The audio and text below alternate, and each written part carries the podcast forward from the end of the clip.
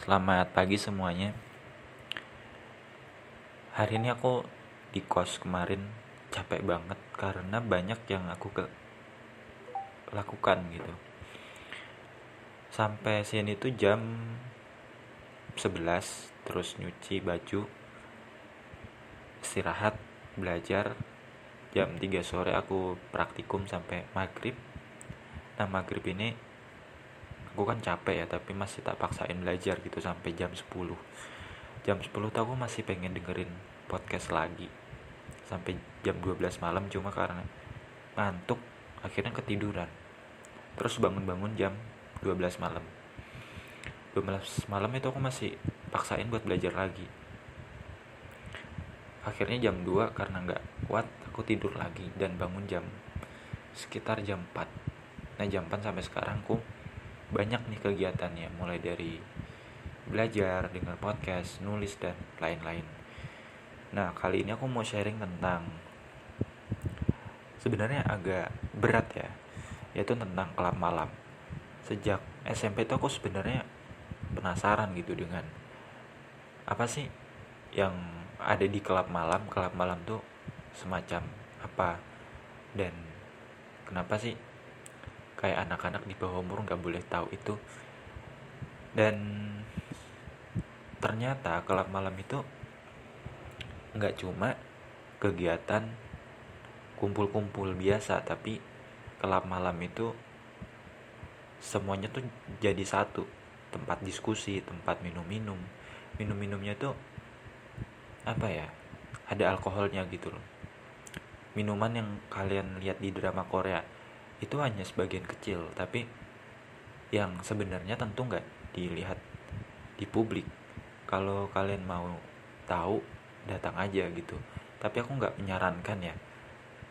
Kalau nggak siap dan emang nggak mau. Karena buat apa ke klub malam kalau cuma untuk memastikan minuman yang ada di sana? Lebih baik kita ke tempat yang lebih bagus gitu tapi ini sharing sharing aja. Yang aku ketahui dari kelab malam ya aku masih nyubi dan nggak begitu tahu di dalamnya ada apa aja. Terus menurutku kelab malam itu ya selain kumpul-kumpul berbagi pikiran tempat mabuk untuk having fun tentu ada unsur seksualnya juga. Kayak apa ya semacam kalau mau berhubungan intim di luar nikah pun bisa di sana ada tempat khususnya. Gue pernah diceritain saudaraku gitu yang pernah ke sana. Tapi kita semacam membayar servis lebih gitu nggak? Kita kan datang sana misalkan minum-minum gitu. Bayar sekian ratus ribu. Itu udah mahal minumnya aja. Tapi kalau mau servis yang lebih tentu harus bayar lagi dan seperti yang kalian tahu di sana emang ada semacam permainan kayak biliar atau main kasino judi. Itu udah hal biasa di sana. Dan ternyata di Jogja tuh sangat banyak gitu kalau malam di situ. Cuman ya mungkin bisa jadi lebih dekat dari sini tapi aku nggak mau ke sana. Kenapa? Karena banyak gitu yang harus aku kerjakan banyak deadline banyak ini untuk apa ke sana jika cuma buat refreshing? Toh tempat refreshing tuh nggak cuma itu.